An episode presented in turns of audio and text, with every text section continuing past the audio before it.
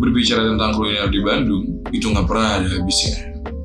Salah satunya ialah tempat kuliner yang terbaik di Bandung menurut gue. Jeng jeng jeng jeng jatuh terpada bebek kali borme. Yap, bebek kali borme di Bandung ialah bebek yang gila, sumpah enak banget. Dan hal yang pertama aku ingat uh, dari bebek kali borme ialah Kak Anu. Ya, beliau adalah abang angkat gue orang yang sangat baik dan orang yang sangat berjasa dalam hidup gue.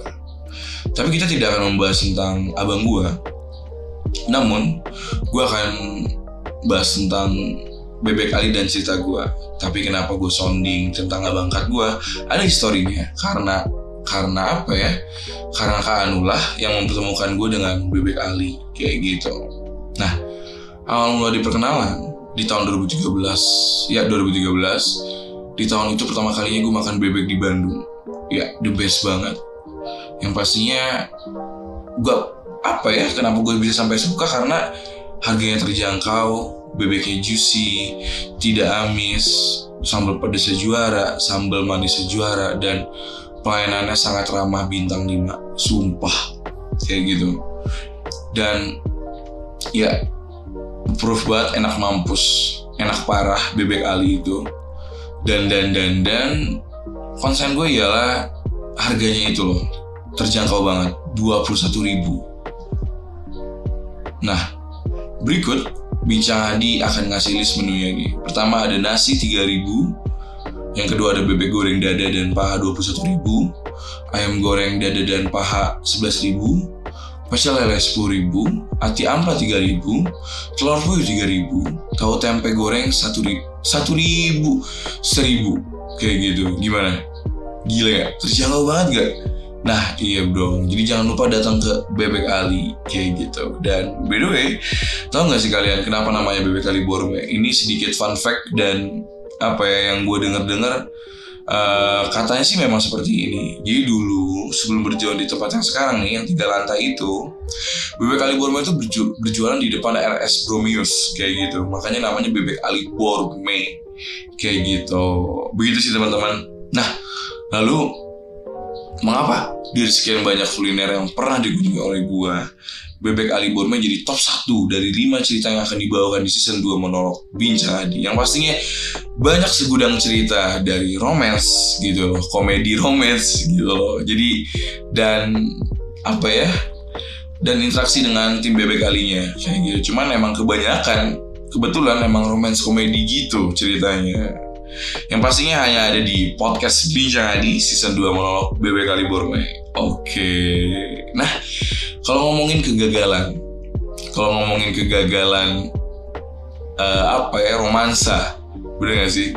Kalau ngomongin kegagalan romansa Adiana tuh selalu jadi bahan cerita yang seru dan menarik. Kayak gitu dari mulai kegagalan uh, dari mulai kegagalan lalu kegagalan gitu lalu kegagalan. Oh, kok nggak ada yang happynya? Nah itu dia makanya. Gue juga lagi nyari yang happynya tuh di mana. Kayak gitu. Mungkin kalau ada yang tahu bisa komen di bawah. Kayak gitu.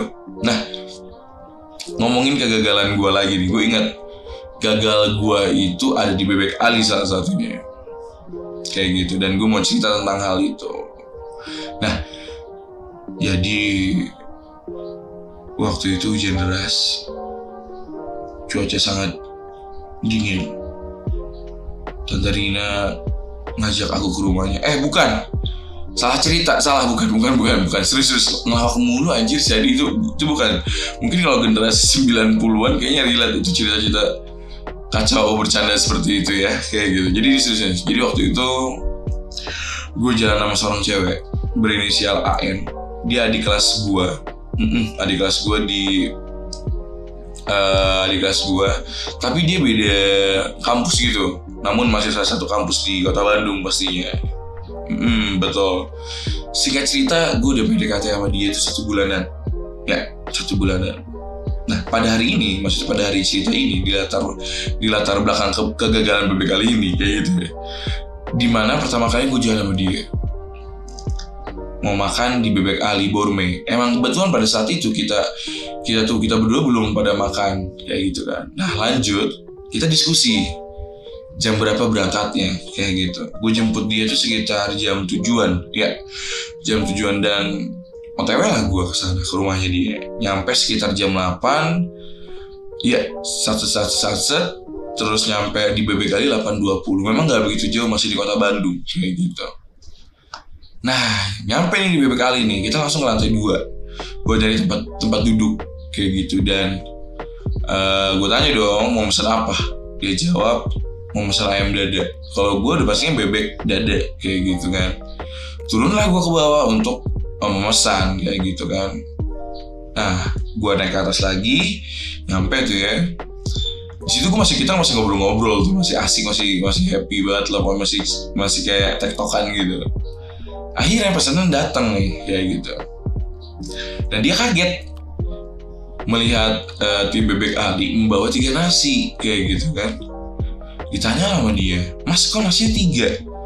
Terus si masnya jawab iya bro Adi emang selalu dua kan ya gue jawab juga. Emang aku mesen tadi di bawah dua kok. Kayak gitu. Nah muka dia tuh udah beda gitu loh. Gue juga bingung nah, kenapa kenapa muka dia kayak beda gitu ya? Uh, dan gue tuh mau ngajak ngobrol saat makan tuh dia kayak ngasih benteng gede gitu loh. Kayak seakan-akan jangan ngajak ngobrol gue kayak gitu. Yaudah akhirnya makan. Eh terus pas udah makan makan makan di selang 20 menit emang gue kan anak kosan nih uh, emang bebeknya gede emang bebek gede gitu. Tapi emang kalau gue juga lauknya dikit bisa ngasih banyak kayak gitu. Apalagi bebek apalagi ini lauknya gede kayak gitu kan. Nah bebeknya masih banyak tuh kayak gitu. Soalnya gede banget. Ya gue mau pesen nasi lagi dong nambah piring ketiga. Makin kaget dia kayak gitu kan. Terus selang hampir 45 menitan gitu selang hampir 45 menitan itu uh, selang hampir 45 menitan itu gue beres makan lah. Gue beranikan diri bertanya kayak gitu. Kamu bete ya? Dia jawab pikir aja menurut kamu. Hah, gimana maksudnya? Itu dijawab lagi nih ya iyalah bukannya cowok kalau PDKT itu jaim. Masa iya lu PDKT. Dan jalan pertama lo ini lu makan nasi tiga piring aneh banget kata dia gitu. Ya gue ya gue lapar gue ya gue lapar gue makannya nambah masa gue masa gue mah gak jaim gitu loh. Gue jadi diri gue sendiri kayak gitu. Lu aneh banget kata dia gitu. Terus ya gue gue udah ngerasa kayak dia udah gak nyaman gitu ya gue tanya dong baik-baik mau pulang sekarang? Naik grab aja atau naik gojek? Terus gue kayak gue di situ sedikit kayak kesel sih kayak ya ampun kenapa sih? Terus ya udahlah akhirnya gue jawab cuy tadi itu apa namanya? Gue pamitan sama orang tua lu. Masa ya lu nyampe rumah orang rumah lu tahu lu balik dengan orang lain gitu. Dan itu nggak etis menurut gue kayak gitu. Hargain lah terakhir gue buat nganter. Kalau nanti sehabis nganter lu mau blok gue silakan. Ya udah oke okay, diantar kayak gitu. Besok ya lu tau apa? Beneran gue di blok. Si anj nggak boleh nggak boleh ini sumber cerita 2015 gue kayak gitu. Kacau kacau kacau. Selanjutnya selanjutnya. Tas selang tas selang apa ya beres kejadian tadi cerita tadi di latar tahun 2018 nah sama gue juga mau ke bebek Ali. Cuman latarnya itu bukan di restonya tapi latarnya pas di jalan DU nya itu. Kan kan gue nggak kos di Gerlong. Otomatis kalau mau ke DU lewat Baksil Simpang Dagu lurus doang tuh. Ya nggak sih nah pas lurus mau mendekati Unikop maju dikit ya maju dikit tuh ya. Gue melihat ada cewek jatuh dari motor lumayan kencang gila sumpah. Posisi itu jam sembilanan gitulah pokoknya. Pas jatuh tuh gak ada yang nolong emang posisi tuh lagi gak tau kenapa lagi sepi banget kayak weekday deh. Kayak gitu. Ya mau nggak mau gue nolong dong kayak gitu. Gue yang nolongin kayak gitu gue pinggirin motor gue terus gue hampirin lah cewek itu. Gue tolong lah kayak gitu. Gue bangunin motornya buku dia yang jatuh kayak anak kampus kayak gitu. Gua gua buku, buku dia yang gua ambilin yang gua ambilin yang jatuh motor dia gua pinggirin helm dia gua lepasin di kepala dia. Nah kebetulan gua bawa minum. Gua kasih juga lah dia kayak gitu. Gua baru nge pas dia nyender ke bau ya maksudnya ke tembok jalan gitu buset gila. Rambutnya pendek coy. Ya, gila sih kan gue suka baca rambut pendek kayak gue udah kaget gitu kan. Dan dan emang gue emang nggak tahu kenapa gue dari kecil suka banget rambut pendek. Jadi gue kayak makin grogi nih udah cewek grogi kan si kikuk banget Adiana ya kayak gitu. Si belum pacaran tuh gue tuh kan. Nah gue bingung kan udah udah aman semua udah gue beresin bingung nanya apa kan ya. Sekitar 10 menit gue bengong. Asli gue benar-benar literally bengong kayak gitu dan baru kepikiran tuh. Oh iya gue tanyain deh uh, temennya siapa buat ngejemput dia. Pas gue baru ngomong nih mau jongkok. Sambil gagap tuh sambil gagap gue mau ngomong uh, mbak tiba-tiba ada cowok nyamperin. Lah. Perawakannya tuh kayak emang anak seni gitu rambut gondrong rambut gondrong dan emang ganteng sih ya maksudnya ala ala bad boy yang auranya tuh keren lah pokoknya cewek suka kayak gitu. Nah dia menghampiri cewek itu kan dia jongkok di depan cewek itu terus dia ngomong mbaknya nggak apa-apa dijawab sama ceweknya nggak apa-apa kok ah kayak gitu. Terus uh, cowoknya langsung ngasih uh, ngasih solusi gitu kan. Oh iya mau ditelepon temennya mbak atau ke sini deket sini ada klinik. Nanti habis dari klinik baru temennya ditelepon aja. Paling saran gue gitu kata dia gitu. Ceweknya ikut A nya aja deh. Terus cowoknya yaudah saya bopong ya. Sebelum itu nomor teman kamu berapa dan nomor kamu berapa? Ini A nomor besi saya kata ceweknya. Dan ini nomor saya. Dibopong lah si cowok uh, dibopong lah si cewek itu masih cowok kan. Lanjut boncengan lah mereka pakai motor si cowoknya. Gua di sana. Yang nolongin bengong cengok melongo tuh BCM coba bengong cengok melongo gua.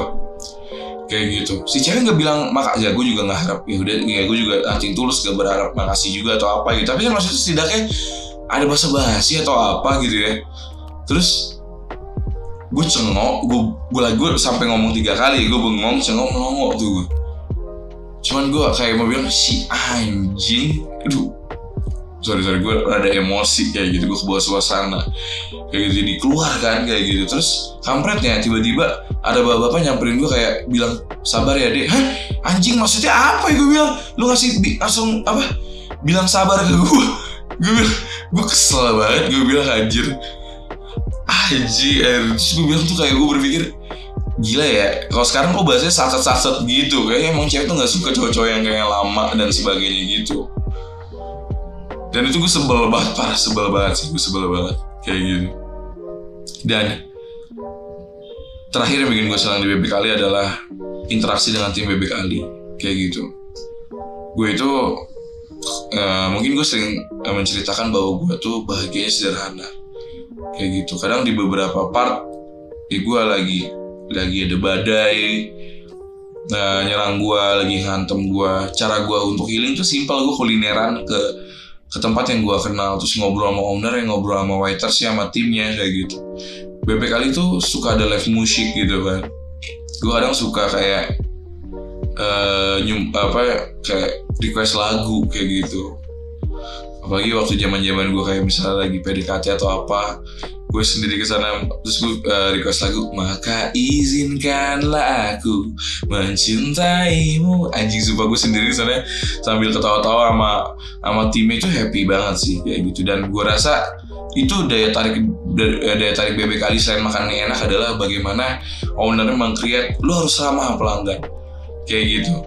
Gue nggak pernah dijutekin sama mereka nggak pernah sama sekali. Gue ngeliat para pengunjung juga happy happy banget dengan bebek Ali kayak gitu ya dan itu cerita gue di kuliner monolog season 2 Bebek Kali Borne Gokil kayak gitu. Dan gue pamit. Masih di podcast Bincang Adi Bincang Asik dengan Adi